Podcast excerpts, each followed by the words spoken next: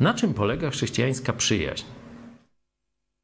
Czy na tym, że lubimy czyjeś cechy charakteru, mamy podobne poczucie humoru, czy na przykład zgadzamy się w jakichś niektórych tematach, albo lubimy razem łowić ryby, czy uprawiać jakiś sport.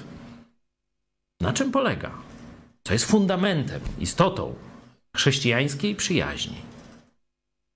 Podpowiedź znajdujemy w Psalmie 119, werset 63. Jestem przyjacielem wszystkich, i tu są te cechy wymienione tych wszystkich.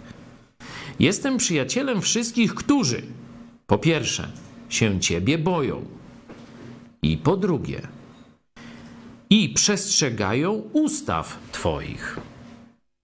Dwie cechy chrześcijańskiego przyjaciela, czyli ludzi, chrześcijan, których powinieneś, trak powinieneś traktować jako przyjaciół.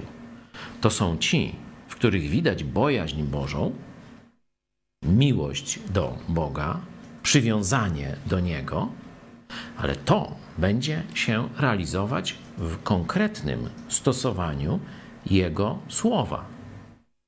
W Słowie Bożym objawione są Boże zasady.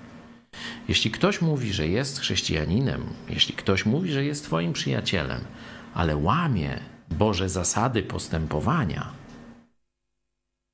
to już wypadł z kategorii przyjaciół, z kategorii osób, które kwalifikują się do tego, żeby być Twoim chrześcijańskim przyjacielem czy moim.